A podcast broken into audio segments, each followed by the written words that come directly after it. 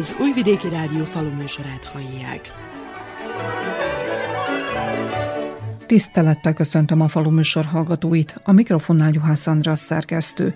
Ítéletidővel érkezett a hét második felében a rövid felfrissülés. Elsőként a nyugat-bácskai régi út, majd közép-bácskát sújtotta a nagyméretű jéggel kísért heves eső. Műsorunk rögzítéseig károkról még nem érkezett hír, de minden bizonyal a nem szokványos erejű szél nagy károkat tett az útjába eső növényi kultúrákon. A szakemberek és a meteorológusok mindezt az éghajlatváltozás margójára írják, és figyelmeztetnek, hogy a jövőben egyre több hasonló jelenséggel kell számolni, már itt, a vajdaságban is. Az ítéletidő megérkezése előtt a délbácskai körzetben is befejeződött a kalászosok aratása és betárolása. Az eredmények mindenhol lesújtóak, hiszen a tavasszal terjedő betegség bőven levette a vámot a hozamról. Annak ellenére, hogy 2014-ben már károsította a sárgarosda vidékünkön, a gazdálkodók zöme nem volt kellően felkészülve a gomba újbóli megjelenésére és az ellene való időbeni védekezésre. A folyamatos esők pedig a kalászosok minőségén rontottak, így a felvásárláskor, illetve terményátadáskor nagy erőfeszítése volt szükség ahhoz, hogy a megfelelő kategóriába sorolják be a gabonát, vallotta Sándor József, a Felsőhegyi Napredák Szövetkezet igazgatója. Takarmány árpánál soha nem látott rossz eredmény született. Mennyiségileg nagyon keveset tudtunk felvásárolni. Függetlenül attól, hogy vetés sokkal nagyobb területen történt meg a az őszön, mint az előző években. Ennek két oka van. Az egyik oka az, hogy az időjárás nem biztos, hogy jól kedvezett a, az árpának, tudnélik az utolsó periódusban rengeteg eső esett le, csökkentette a hektolitert és azt a 62-es hektoliter mutatót, ami a kiviteli minőséghez szükséges, sajnos nem tudta teljesíteni az árpa. A másik dolog pedig egyértelműen az, hogy nagyon sok termelő nem hallgatott a szakembereknek a véleményére, nem figyeltek oda, hogy mikor van a vírusos támadás, későn reagáltak, és akkor már hiába szólták kétszer-háromszor, megállt a fejlődésben, nem töltődött fel a szem. Apró szemek lettek, tehát ilyen, hogy 15, meg 20, meg 25 százalék apró, meg tört szem, beszorult szemek voltak, nagyon kiadott a hektoliterre. 60 eh, hektoliter alatti átlaga van a szövetkezetünknek, meg körülbelül felé tudtuk begyűjteni annak a zárpának, amire számítottunk. Stratégiai hiba is történt szerintem itt a térségben. Túlságosan alacsony kezdőárral jött ki a fölvásárló cég, aztán azok a cégek, akiknek szerződése volt külkerre, próbáltak beszerezni jobb minőséget, és akkor megkínáltak egy kicsit jobb árat. Azok a termelők, akik külön tudták tárolni a saját árujukat, talán jobb árat tudtak elérni. A végleges ára egyébként a térségben a takarmány árpának 16 dinár. Ami a sörárpát illeti, ugyanazt kell, hogy mondjam, hogy jóval több vetésterületen termesztették a sörárpát. Ennek az előzménye az, hogy a tavalyi évben úgy a takarmányárpa, mint a sörárpa nagyon magas volt.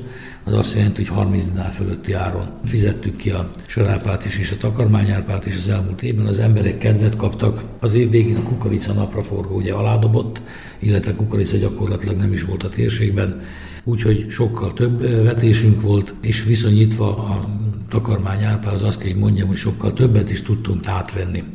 A sölárpánál is merültek föl problémák, itt talán nem a beszorult szemeket mondanám, fehérje tartalommal volt gondunk, ami azt jelenti, hogy a 9,5 és a 12,5 százalék közötti protein tartalom az a sörárpa minőség, ami alatta vagy fölötte van, azt takarmány árpának minősül.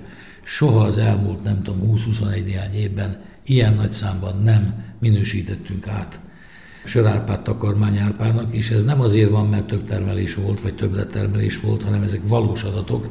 15, 16, 16 és fél százalékos protein tartalmakat mértünk, és ezt sajnos már nem lehetett megmenteni. Amit el tudtunk érni, ez köszönve a földolgozó iparnak, amikor látták, hogy gond van a minőséggel, akkor utólag rendelkeztek arról, hogy 12 és félről 13 és fél százalékra emelik fel a protein tartalmat, és ezzel rengeteg termelőnek segítettek, gyakorlatilag megmentették, hogy jobb áron tudja értékesíteni a gabonáját. A végára a térségünkben a sörárpának 21 dinár.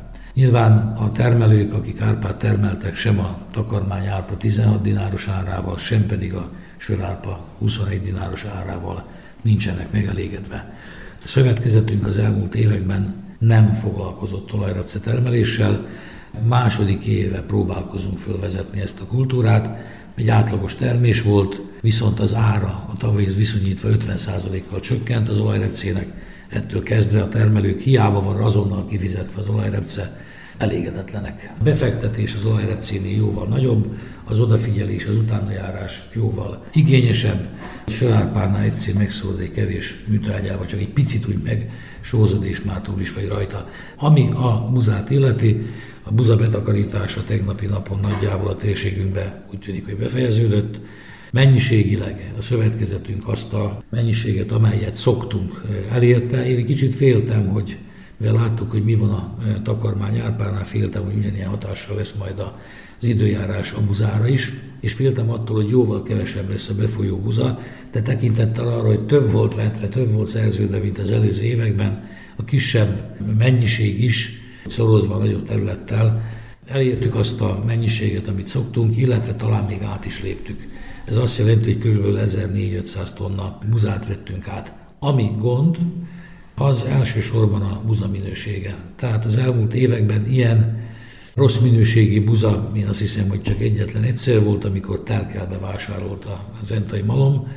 Idén a paramétereket megadták, a JUSZ minőséget meghatározták, Ugyanígy a Gebi is meghatározta, termés viszont messze a meghatározott fölvásárlási föltételek alatt volt, ami azt jelenti, hogy a 76-os hektoliter, ami most még perdöntő tulajdonképpen a térségünkben, vannak már fővásárlók, akik mennek a beltartalomra, de itt még a nagymalmok nem tudják ezt megvalósítani, bár most már lassan évtizede beszélünk róla, hogy majd a beltartalom dönti el, de még nem, még mindig a hektoliter, illetve a primessa az, ami befolyásolja a buzának a minőségét, mennyiségét.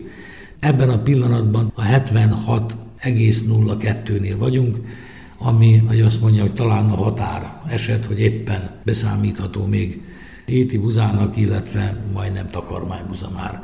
Rengeteg buza volt 65-ös hektoliterrel, ami már emberi táplálkozásra nem alkalmas, illetve eh, malmi földolgozásra nem alkalmas. Rengeteg volt a 68-as, 69-es, 72, 73. Ugyanazt tudom elmondani, mint a takarmány árpánál, hogy az utolsó időszakban leesett csapadék az, aki kimosta a buzának a hektoliterét egyrészt, másrészt pedig a buza szintén olyan helyzetbe került, hogy három-négyszeri permetezést is meg kellett ejteni az idén.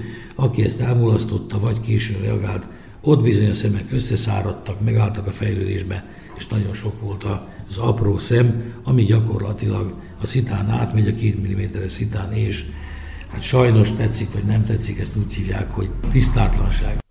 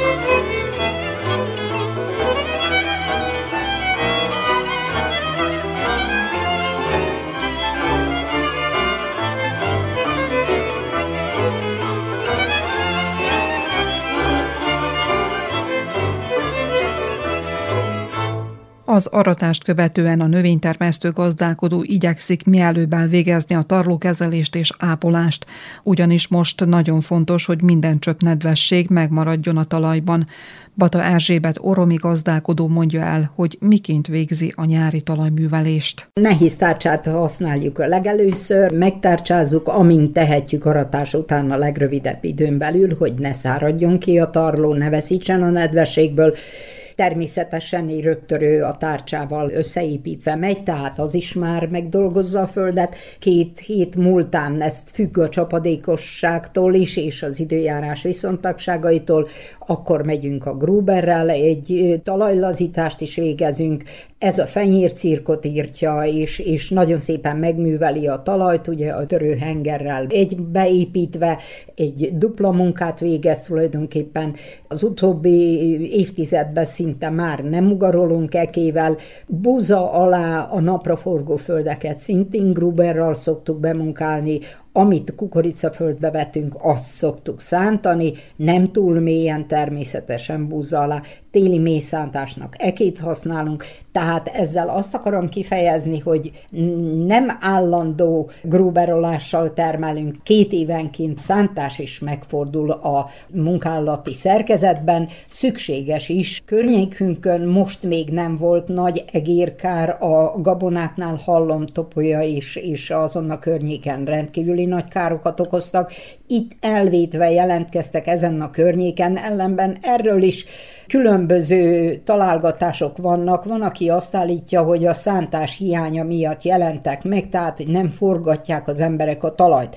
Nem lehet ezt konkrétan tudni, úgy látszik, hogy nagyon-nagyon elszaporodtak, és az enyhe tél miatt feltételezem én, hogy tudnak szaporodni, ugyanúgy, mint más kártevő is, hiszen nincsenek hideg mínusz 20 fokos téli időszakok, két-három hétig tartó mínusz 20 fokba természetesen, hogy pusztulnak a kártevők. Ez már az utóbbi évtizedben nem létezik, szinte porolnak az utak télen is, és ennek tudható be sokkal inkább szerintem a kártevők jelenléte, mint a szántás hiányának. Valójában ezzel a módszerrel akkor már a tavaszi vetésű növények talaj előkészítését megkezdték? Totál vegyszert nem használunk, egyáltalán mechanikusan munkáljuk és védjük a talajt a gyomoktól és a kártevőktől.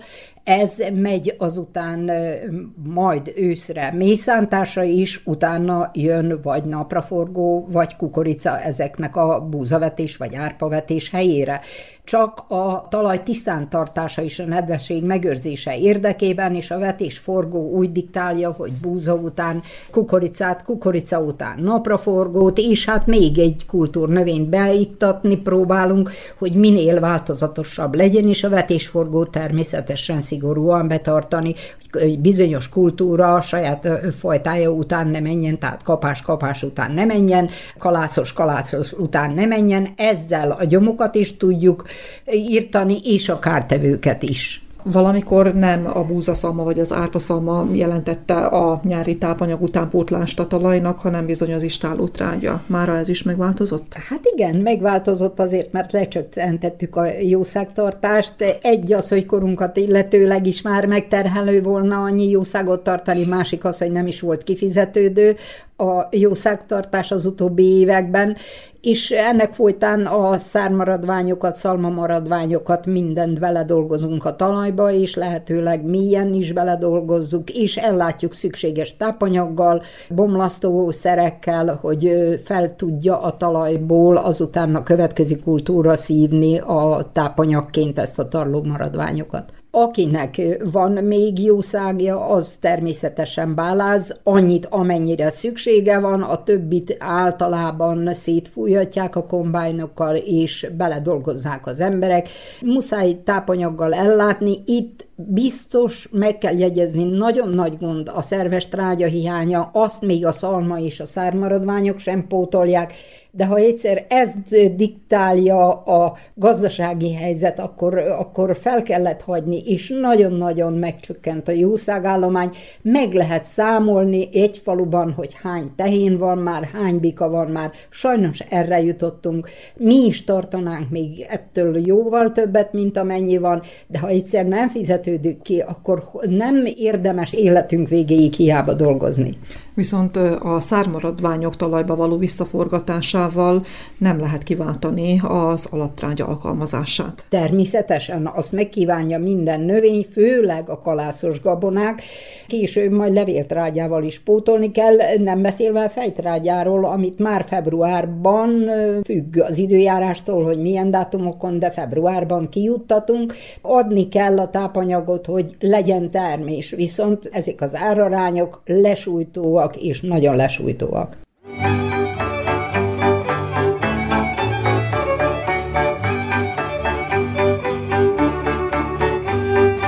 Gulyás Szabolcs az Adai Szatex cég tulajdonosa, egyben növénytermesztő gazda is megerősíti, hogy fontos időben elvégezni a nyári tarlóhántást, amivel az erőteljes gyomosodás is megakadályozható. Van itt, aki olyan elmélettel él, hogy hagy zöldüljön ki a tarló. Én mindjárt bemunkáltam aratás után, betárcsáztuk sekélyen, ugye nem mélyen, egy 6-8 cm mélyen, maximum 10, vagy egy könnyű gruberrel, egy sekély gruberrel csak egy tarlóhántást csinálni, és az elszóródott magvak sokkal könnyebben fognak tudni kijönni, akár ebbe a melegbe is. Még most ugye, ami a nagyon fontos, ezt azért kell megcsinálni, mert hagytunk mintát olyat is, hogy berepedezik lassan a földjen, nálunk ilyen nincsen. Ez miatt kell megcsinálni, ez miatt kell lezárni a földet. Az elmúlt napokban, hetekben már nem nagyon esett az eső, és ez miatt kell őrizni azt, amink van milyen eszközöket használjon a gazda? Tárcsát, vagy mondom egy ilyen könnyű grúbert, ami, ami csak egy ilyen 5 és 15 cm mélyen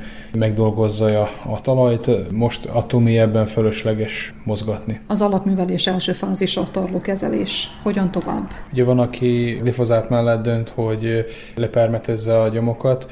Mi erőltetjük azt, hogy amennyiben ilyen száraz az idő, akkor tárcsával már ilyenkor nem mennék rá, hanem Gruberral vagy egyszer vagy kétszer még meg kell munkálni a területet. Szépen lassan kiveszik a fenyércirok is. Ugye mindenki mondja, hogy ez nagyon nehéz, mert gyökérű kell. Igen, de viszont ugye vízallagú egy gyökérzete, és a Gruberral, ahogy dolgozunk, azok mind felszínre kerülnek, és elszárad. Na most abban az esetben, ugye, hogyha esk az eső közben, akkor egy nulla fenyérciroknak, mert akkor visszafogja, és újból kell, de viszont utána, hogyha lesz megint egy szárazabb idő, akkor azt a gazdának figyelni kell, és akkor azt kidolgozza, egy-két nap elszáradt és kitakarította bármiféle permet nélkül a, a földjét. Mi a tapasztalat a növényi maradványok tarlón hagyásával? minél több van fent, annál jobban, annál jobban védi a nap ellen a, a földet kipárolgás miatt, de viszont ami nagyon számít, ami nagyon lényeges, hogyha ugye meg is nyitottuk a talajfelszínt, akkor az legyen lezárva. Nagyon számít, hogy milyen henger van a megmunkáló gép után. Amennyiben nem tökéletes a lezáró henger, abban az esetben akkor egy Cambridge hengerrel ajánlott ezt visszatömöríteni, hogy minél kevesebb legyen a négyzetcentiméter, ahol tud párologtatni a föld.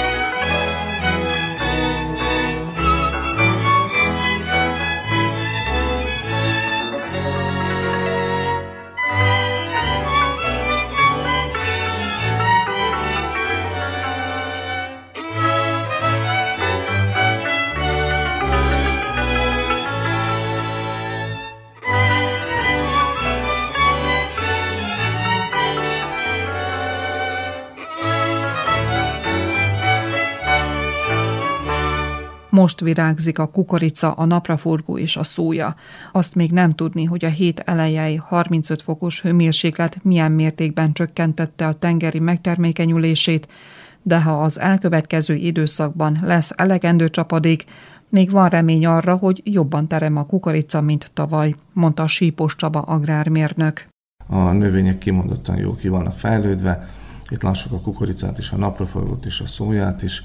Jelen pillanatban történik a megtermékenyülés, a beporzása. A korai kukoricák már beporzottak, a későbbiek most történik, úgyhogy a nagy hőmérséklet után majd meglássuk, hogy mekkora lesz a megtermékenyülés. Ami a napraforgót illeti, hogyan tűri az ilyen időjárási viszonyokat? Kimondottan jó tűri a szárazságot, ha bár itt is meg lehet figyelni, hogy a partokon korán reggel kevesebb a nektár a napraforgón, amit úgy lehet meglátni, hogy a fejen ilyen ragacsos folyadék történik. A nektárnak az a szerepe, hogy a méheket oda vonza, és hogy jobb legyen a megtermékenyülés. Na most a réti fődeknél, a laposoknál, mivel jobban tartsák a nedvességet, ottan kimondottan nagyobb mennyiségű nektár van a napraforgóknál, mint a parti magasabb telepeken. Itt is majd észlelhető lesz, hogy jobb lesz a megtermékenyülés és a fajsúly a napraforgóknak, ahol több nektár volt, vagyis a réteknél és a laposoknál. A tavasszal volt bőven csapadék, esetleg gombabetegség megjelenhet-e ezek után a napraforgón? Jelentkeztek is bizonyos helyeken különböző betegségek. Most jelen pillanatban szárazságban megállt ezek a betegségnek a terjedése, de mondhatom azt, hogy ha lesz egy-két csapadék, akkor könnyen megeshető napraforgót is megtámadja bizonyos betegség. Ajánlatos a védekezés, vannak termelők az utóbbi pár évben, amelyek komolyan véde, védekeznek gombabetegség ellen. Hozamon ki tud mutatkozni, nem is keveset, de csak abban az évben, mikor csapadékosabb az év. Milyen szárazabb az év, az a hozam különbözet sokkal kevesebb. Ön, mint szakember, mint agrármérnök, mit tapasztal? Változott-e az elmúlt években a napra forgó termesztés technológiája? Hiszen a terepet járva, így az útról megfigyelhetjük, hogy az előző 10-15 évhez viszonyítva sokkal sűrűbb az állomány, és azok a hibridek, amelyek most kerültek köztermesztésbe, mint hogyha kisebb fejet nevelnének és alacsonyabbak lennének. 20 évvel ezelőtt nem volt nagy választék a napraforgó fajtából, leginkább a hazaiak voltak, és ottan kimondottan nagy fejek voltak azoknál a nagy fejeknél a szemek könnyebbek voltak. A genetika arra megy, hogy kisebb fej, lehet, hogy kicsit nagyobb tőszámra mennek. Apróbbak a szemek, de a szemek sokkal, de sokkal súlyosabbak. A genetika az utóbbi időben elért egy, egy maximumot, itt jobban mennek a növényvédelemre, a különböző technológia, ami a gazvédelmet illeti, és a betegség elleni védelem, hogy beletesznek különböző géneket, ellenállóbbak legyenek a betegségekre, amik lehet, hogy azelőtt nem voltak ilyen mértékben jelen, mivel az éghajlat is nagyban megváltozott. A szklerocínia napraforgón, ugyanúgy a peronoszpora is, ugyanúgy a rozsdásodás bizonyos fajtáknál tavaly is nagyon megjelentek a rozsdásodások. Ezek tudják a zöld masszát elszállítani, és ugyanúgy a napraforgó szem nem töltődik tele. A kapás növények közül a szója az a növény, amely szintén júliusban virágzik, és a júliusi hőségeket nehezen viseli. Termelők sokkal kevesebb szóját vettettek, mint a tavalyi években, mivel már két éve megsütötték a szájukat, Szóval ez a nagy hőmérséklet, magas hőmérséklet, száraz idő megsillette szója termelést. Szója jelen pillanatban virágzásban van, szereti a nedvességet, a csapadékot és a páratartalmat. Ha ilyen melegek, nagy hőség van, száraz a levegő, könnyen megtörténhet, hogy a szója eldobja bizonyos szinten a virágjait, és azon a szinten nem lesz majd hüvely.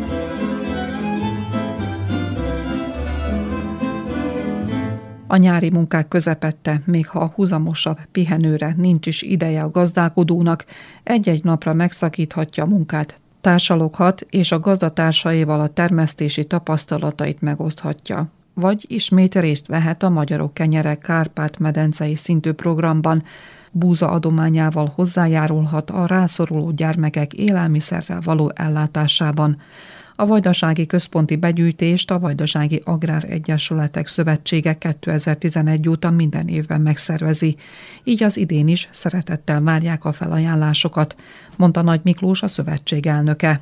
Minden évben az adományoknak a mennyisége több és több lett, hiszen ha megnézzük, akkor első évben csak egy 470 kilós mennyiséget gyűjtöttünk össze, a múlt évben pedig már 25 tonna fölötti adományjal kedveskedtek a gazdáink, ami azt jelenti, hogy igenis egy fejlődőképes akcióról van szó, amiben A vége a leglényegesebb, amikor is ezekből az összegyűjtött adományból, tehát a gabonából, a borsos malomba ezt lisztre váltjuk, és a vajdaság területén működő több mint 30 olyan szervezet között osztjuk ki, akik a gyerekekkel foglalkoznak. Ide tartoznak a Nagycsaládosok Egyesülete is, ide tartoznak a népkonyhák, ide tartoznak a különböző sérült gyerekekkel foglalkozó intézmények, és természetesen a kollégiumok is, hiszen ott is a gyerekeknek az élelmezésére szükség van, tehát ott is segítünk ezekkel az adományokkal. Úgyhogy minden évben összegyűjtöttük eddig, az idei évben is összegyűjtjük a buzadamányokat, és július 25-én kedden délelőtt 8 órától várjuk Zentán az Agrárszövetségnek a székházánál, a Mária utca 42-es alatt az adományokat, az adományozókat, és itt fogjuk tőlük átvenni jelentkezhetnek a falugazdászoknak, hiszen a falugazdászainkon és a tagszerveteink keresztül szeretnénk megszervezni, hogy ott, ahol több adományt össze tudnak gyűjteni, akkor azt egy egységes szállítással hozzá kell Zentára, vagy személyesen várjuk itt a termelőket, vagy pedig a falugazdászoknál jelentkezzenek, és akkor ott leadják majd azon a napon, vagy összegyűjtik azon a napon, amikor hozzák Zentára az adományokat, összegyűjtik a buza mennyiséget, és közösen fogják elhozni foglalkozni. Múlt évben Vajdaság egész területéről érkezett adomány, és az idejében is várjuk a gazdálkodókat hiszen a tavalyi évben sokkal szűkösebb és kisebb termésmennyiség mellett is szép adományt sikerült összegyűjteni. Bízunk benne az idei évben a termés mennyiségnek a növekedésével a növekedni fog a gazdáknak az adományozó vagy az adakozó kedve is, hiszen azért nem kell elfelejteni azt, hogy itt a lényeg a, a humánius köztusban van, a humanitárius részét kell ennek az egésznek szemlélni, és azt a jelmondatot, amit minden évben megfogalmaztunk és alkalmaztunk már, hogy gyermek mosat, betér minden pénznél. Arra gondoljanak, amikor a buzárzsákot bekötik, hiszen az itt összegyűjtött vagy megjelent buzázsákokból, vagy buzamennyiségből csak egy jelképes mennyiséget fogunk a augusztus 19-én a Szolnokon megszervezendő magyarok kenyere buza összeentésre átszállítani. Úgy, hogy a vajdasági adományozóknak a gabonája is a Kárpát-medencei kenyérbe meg fog jelenni, tehát egy közös Kárpát-medencei kenyér fog ottan kisülni az előző évekből milyen tapasztalatokat tudnak levonni, azon kívül, hogy növekszik a mennyiség, növekszik a gazdák száma, mégis a kedv, a hangulat milyen az ilyen jellegű ünnepségeken, összefogásokon. A mi tapasztalatunk az, hogy szívesen adják, szívesen hozzák, és nagyon sokan elég nagy távolságból saját kocsival elhozzák a szomszédét, a sajátját, és még néhány embernek a, a buzáját. Ugyanakkor pedig már egyszer volt olyan eset is, hogy a innen Zentáról, mondjuk rá néhány utcával arrébről csak föltette a biciklire a zsákot, és eltolta ide a kerékpáron a, a gazdálkodó, mert úgy volt vele, hogy ő ezt a mennyiséget ide szánta, és ide akarja leadni. Ugyanakkor volt, aki azt mondta, hogy ő neki nincs buzája, de szívesen adományozna, azoktól pedig elfogadtuk pénzadományként a egy zsák buzának az árát, ami természetesen az idei évben is ugyanúgy elfogadjuk, és utána lisztet vásároltunk rajta, és mi már tovább lisztet adtunk a felhasználónk felé, hiszen azok a szervezetek tudják, hogy ők a kapott lisztmennyiségből két-három-négy hónapon keresztül el tudják látni a gondozottakat, és mindenhol szükség van erre a segítségre, hiszen azok az intézmények csak ilyen adományokból tudják fenntartani magukat, és ilyen adományokból szervezik meg az étkeztetését a rájuk bizott gyerekeknek, a gondozottaknak.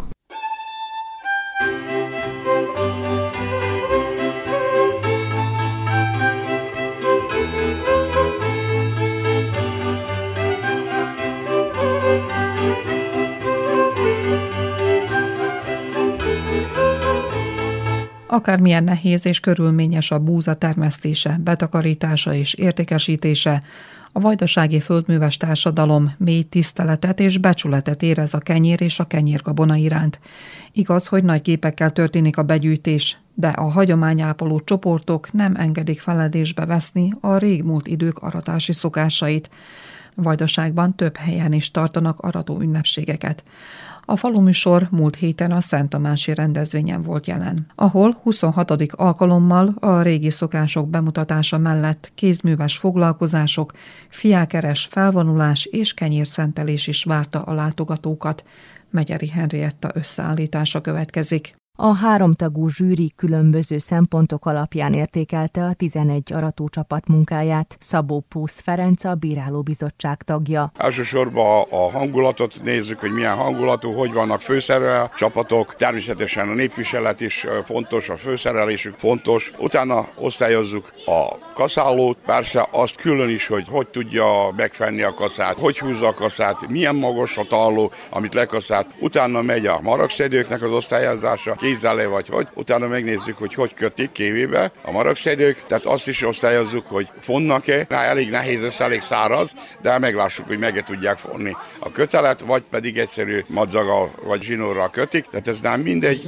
Utána melyik irányba néznek a köröztök, ugye, mert körözbe kell tenni a kévéket, a talónak a tisztaságát, és aztán a szélszámok elraktározása, és hogy hogy néz ki a csapat, tehát komplet az egész helyzetet osztályozzuk, és utána össze összegezzük a pontokat, és aztán megnézzük, hogy melyik csapat a legjobb. Természetesen még a reggeli is osztályozva lesz, hogy valamikor, ugye mert hagyományőrzésről van szó, hogyan készítettek, milyen reggelit készítettek az emberek, tehát itt sokféle házi ételről van szó, tehát semmiféle ilyen különböző tortákról, meg stb. Tudni való jaratáskor mi volt az étel, tehát itt a füstő szalonnától kezdve, a vöröshagymától, a tarhótól kezdve, a sajtok, a túrok, tehát itt sok minden, ami valamikor is kint volt a mezőn, egy egyszerű terítmény, eredménye, most meglássuk. A 83 éves Nesebbik Erzsébet legidősebb aratóként állt a tarlóra. Elmondása alapján gyermekkorától kezdve részt vett az aratásokon. Régen az asszonyoknak a reggeli elkészítése volt a feladatjuk, és a ruhákat rendbe tartani, ami ugye most nem ilyen kihímzett blúzok, meg ilyesmi volt, hanem minél régebbi tényleg aratók. Ez az aratás olyan nem volt ilyen sonka, meg kóbalász, meg mit tudom én, tojás, krumpli, meg hagyma, lekvár, vagy pedig aludtej, tarhó. Magunk sütöttük a kenyeret, még én is benne voltam abban az életben. Én is süttem a kenyeret bizony. Fiatalok voltunk, szép élmény volt. Jó volt a csoport, egymást kisegítettük. Nagyon jó volt tényleg. Elég nehéz a csépölés, az nagyon. Nem is a munka nehéz, hanem az a por. A mi családunk nagyon szegény volt. Én 40-ben születtem, háború után mindjárt, és akkor hát édesanyámmal mentünk. Volt egy kaszásunk, egy idegen bácsi volt a kaszás, meg mentem terigetni nyolc éves óta. De akkor nem ilyen manillába, meg ilyenekbe, hanem csinálták a kötelet buzából. És akkor el kellett teríteni, édesanyám még rátette a kévéket. Úgy onnan kezdtem onnan. 96-ban, mikor Illés bácsi megnyitta ezt a hagyományápolót, párommal együtt tagok voltunk, első évben kaszáltunk, itt kaszáltunk első évben, 97-ben. Lesz, aki ezt átveszi? Van igény rá? Nem tudom. Gyerekémet nagy nehezen behúztam, hogy legalább kaszáljon, hát most, hogy mi lesz velünk, nem tudom. Majd kirejlik. Molnár Rózsa a Moholi nyugdíjas csoport tagja, nyugdíjazása után sajátította el a hagyományos kézzel történő aratás menetét. Van a kaszás, utána van a marokverő. Az ő összeszedi, ahogy ugye a kaszásnak tudni kell kaszálni, még a kaszát beállítani, hogy az rendesen levágja a fekvőre, hogy az rendesen legyen levágva, egy felé álljon, mert vannak úgy vágják, hogy az egyik fele így áll, a másikul, hát tessék azt összeszedni marokverőnek. Akkor a marokverő megy utána, ő összeszedi összeszedi. Van egy terigetőnk, utána van a kévekötő. Akkor a terigető leteszi a madzagot, én teszem rá arra. De, megjegyzem, van, aki csinál buzából, amivel beköti. Madzag helyét mondjuk olyan buzából és avval kötik be. Míg az asszonyok kötelet fontak, a kaszások előkészítették a szerszámokat, megkapálták, megélesítették a kaszákat. Őrösi Ferenc vagyok Zentáról. Legfontosabb része, hogy onnan kezdjük, hogy jó kasza legyen, még hozzávaló ember legyen. És szépen kaszálja, szépen rakja le a rendet, hogy aki szedje a markot, az könnyen félbírja szedni. Fontos, hogy éles legyen a kassa, mivel élesítették a hagyomány szerint. Megkalapáltuk, és aztán kőben fejtük utána. Ez kalapálni kell kasszát, hogy az éles legyen. Mátyás Ágnes a Tiszakálmán falvi Árvácska kézi munkacsoport vezetője gyermekkori emlékeit idézte fel az aratásról. Az én apám kaszát másfél nap alatt lekaszált egy holdbuzát. Anyám szedte a markot, én dobáltam a kötelet, a bátyám még elblézett, és ez untig elég volt. Amikor meg hordtuk be a buzát kocsival, mert volt lovunk is, akkor jött egy unokatestvérem, aki a markos volt, és akkor az dobálta föl a kévéket, mert nem olyan könnyű volt ám a kévéket földobálni. Akkor az udvarban megcsináltuk a kupot, és akkor jött a csépelőgép, és lecsépülték a buzát. Nagyon jó, emlékszek rá, kislám voltam, de azért ez egy nagyon szép hagyomány. A hagyományos Szent Tamási aratóverseny akkor a délutáni órákban ünnepi kenyérszenteléssel folytatódott. Zsúnyi Tibor Szent Tamási plébános. Április végén Szent Márk ünnepéhez kapcsolódóan akkor megszenteljük a termést. Hálatunk a Jóistennek azért, hogy a földből kisarjadó növény, majd amikor az asztalunkra kerül, akkor legyen mivel hálát adni azért, amit magunkhoz veszünk. Olyan jó ezt így látni, hogy az emberek összejönnek. Olyan jó ezt látni, hogy van buza. Jó ezt látni, hogy az emberek tudnak egymásnak örülni. Minden nehézség, minden külső körülmény ellenére azért jó hallani azt a, az emberek közötti nevetést, az együttlétet, a közösségi létet megélni. Aztán pedig az, hogy van miért hálát adni, ebben az évben is hál' Istennek, hogy az elkövetkezendő évre, következő aratásig lesz mit az asztalra tenni. Az első aratóversenyt füstös Illés szervezte anyáján, akkor 20 csapat vett részt rajta. Azóta is minden évben töretlenül ugyanazon a helyszínen rendezik meg. Arról, hogy hogyan indult az arató ünnepség, az esemény megálmodója beszélt. Induláskor is elég szép létszám összejött, tizennéhány csoport kaszát, főképp Szent Tamás és Becsei részvevők voltak, még abban az időben voltak ezek a régebbi családok, akik arattak maguknak, másnak is. Tehát ezek mind földművesek voltak, akik azelőtt pár évben kézzel aratták a buzájukat, és itten bemutatták ugye a társaságnak. 97-ben gyalog indultunk ki erre a földre, erre parcellára. Nóta szóval tambura zenekar kísérte végig az utcán, és egy nagyon szép élmény volt, mikor ideértünk a parcellára. Igaz, hogy előző nap eső volt, de annál nagyobb kedve, nedves földön, mezítlábosan úgy arattak, mint annak a rendje. A Szent Tamási aratóversenyt a Vajdasági Népek és Nemzetiségek Hagyományápoló klubja szervezte. Az eseményen többek között kulturális műsor és gyermekek számára szervezett népi és ügyességi játékok is várták a látogatókat. Thank you.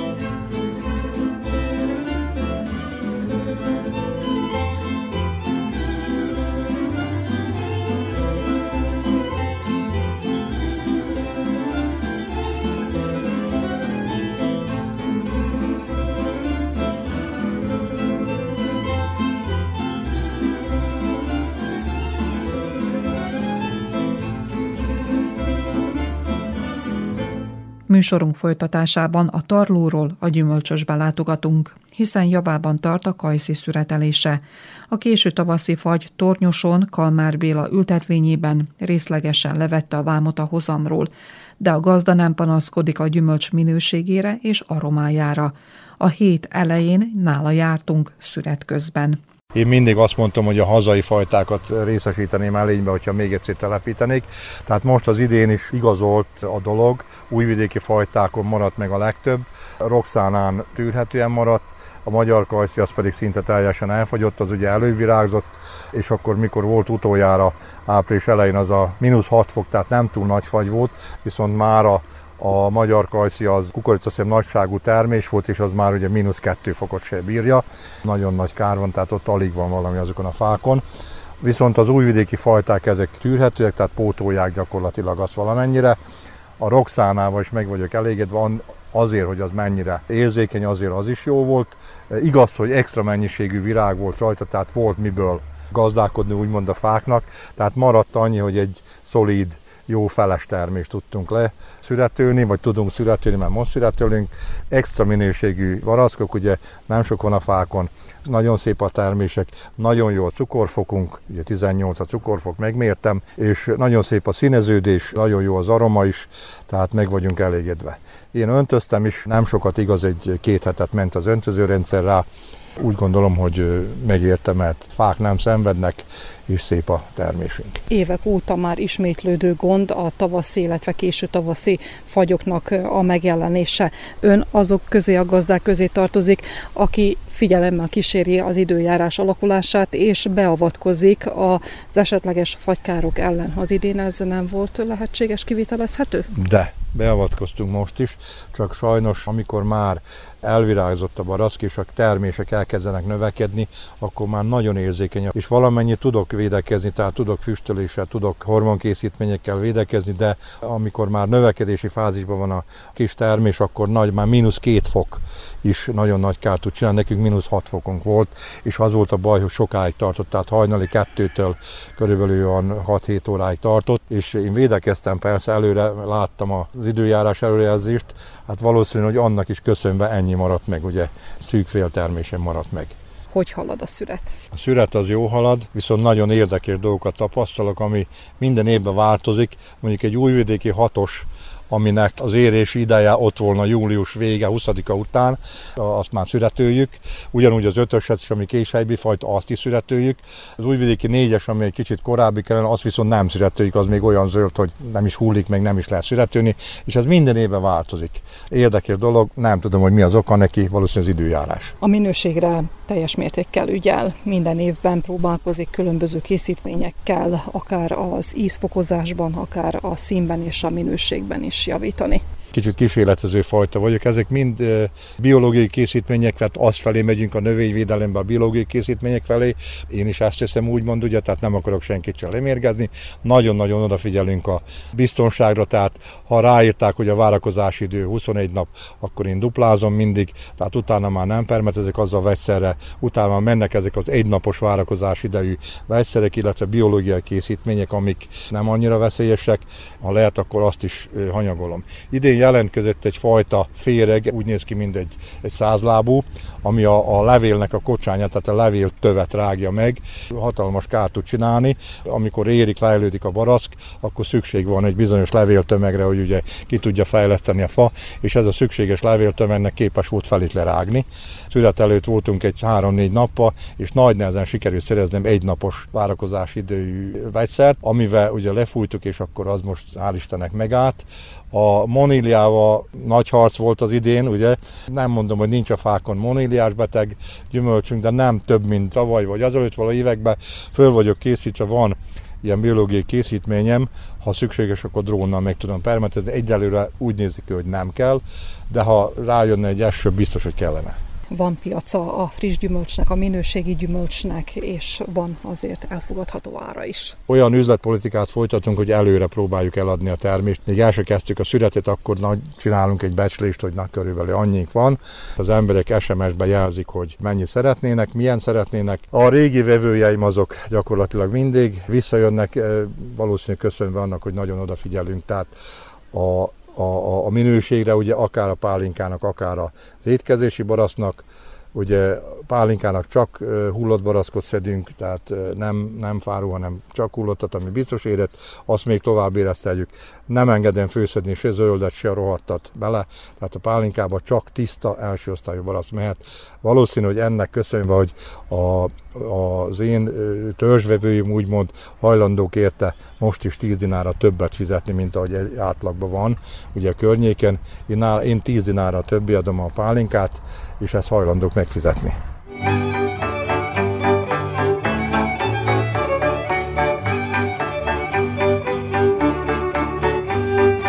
Zárószóként Gallus László agrárkommentárja következik. Lassan elcsöndesül a határ. A 700 ezer hektárnyi szerbiai búzamezőn a tarló jelzi a gyorsan és jól végzett munkát, aminek örömét ezúttal is semmisítette a váltakozó, a szokásosnál szerényebb termés és a továbbra is ismeretlen felvásárlási ár, ami tovább görgeti lefelé a lejtőn a mezőgazdaság szekerét. Aratáskor leginkább a búzafajták, a termelési költségek és a hozamok a várható nyereség állnak a gyújtópontban, miközben nagy teljesítményű kombájnok falják a búzatáblákat. Mintha megfeledkeznénk róla, hogy a közelmúltban még ünnepnek számított az aratás, becsülete is volt a búzának, hiszen a család évi kenyerét biztosította a sokszor embert próbáló munka amit egy-egy a hagyományok, a kézi aratás emlékét felelevenítő bemutató vagy aratóverseny őriz a feledés porától. A kézzel történő aratás azonban csak egyik mozzanata volt a kalászos gabonák betakarításának, mielőtt a búza raktárba, leginkább a raktárként is szolgáló padlásra került volna, a keresztbe rakott kévéket a gazdasági udvarba hordva asztakba rendezték, majd megtörtént a csép hadaróval, később nyomtatással történő cséplés, amit a cséplőgép megjelenése váltott fel. Ezt a kombájnok terjedése az emlékezet peremére szorította. A bámulatba ejtő, nagy teljesítményű kombájnok láttán alig esik szó az aratás változásáról, a munkát megkönnyítő és meggyorsító gépesítés térhódításáról, legfeljebb annyi, hogy a kombány három-négy ember napi munkáját, ami egy búza kaszával történő levágásából, keresztberakásából és a tarló felgerebjézéséből állt, valamivel több mint fél óra alatt elvégzi, és még csak nem is kell hajnalban kelni a munka kezdetéhez. A feljegyzések szerint az aratás első nyomai a közel-keletre vezetnek, ahol időszámításunk előtt hat és fél ezer évvel sarlóval aratták a magot hozó fűféléket, így a mai búza elődjeit, az alakort meg a tönkét is. Az aratásban akár forradalminak is nevezhető változást jelentett a búza kaszasarlóval, majd a kaszával történő betakarítása – a feljegyzések szerint a kaszával történő aratás Európában a 15. század második felében a német alföldön terjedt el, és ekkor már a délalföldön is arattak kaszával. Hiteles adatok szerint a gépi betakarítás kezdete, majd üdemes fejlődése a 19. században a lóvontatású kaszálógépek megjelenésével kezdődött, amelyeket a három műveletet a vágást, a cséplést és a rostálást egy menetben végző, ugyancsak lóvontatású kombány megjelenése követett, és a fejlesztés mérföldes léptekkel indult és tart a mai napig. De lássunk néhány adatot a gépesítés tárházából. A skóciai Reverend Patrick Bell 1826-ban készítette el lóvontatású kaszálógépét. Az amerikai Hiram Moore 1835-ben szabadalmaztatta a 4,5 méter vágószélességű kombányát, amit 20 ló vontatott. 1847-ben Cyrus McCormick megkezdte a kaszálógép sorozatgyártását, 1885-ben pedig a kereskedelemben is kapható volt az ausztráliai Hugh Victor McKay Sunshine Hider Harvester névre keresztelt kombánya. A Case Corporation és a John Deere társaság 1920-ban olyan kombájnok gyártását kezdte, amelyek lóvontatásúak voltak, de motor működtette.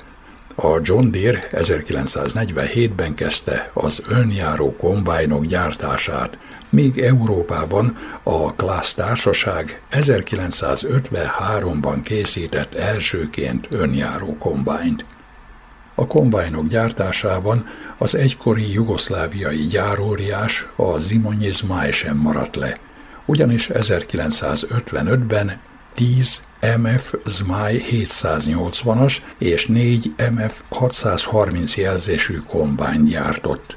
1956-ban pedig már 110 780-as típusú kombányt került ki a gyárból, ami ma jobbára csak az emlékezetben él – Időközben Jugoszláviát, illetve Szerbiát elárasztották a John Deere, a Class, a New Holland, a Case kombányai, amelyek hatékonyságának növelésében, a betakarítási veszteségek csökkentésében, a gyorsaságban, meghatározó szerepe van az elektronikának és az infokommunikációnak, amelyek a kényelmes, klímaberendezéssel felszerelt vezetőfülkében elhelyezett monitorokon jeleníthetők meg.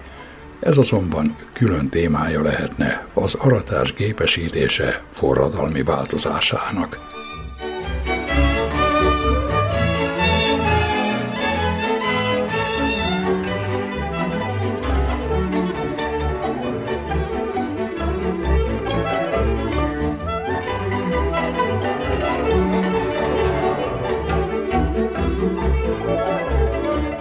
Kedves hallgatóink, falu műsorunkat sugároztuk.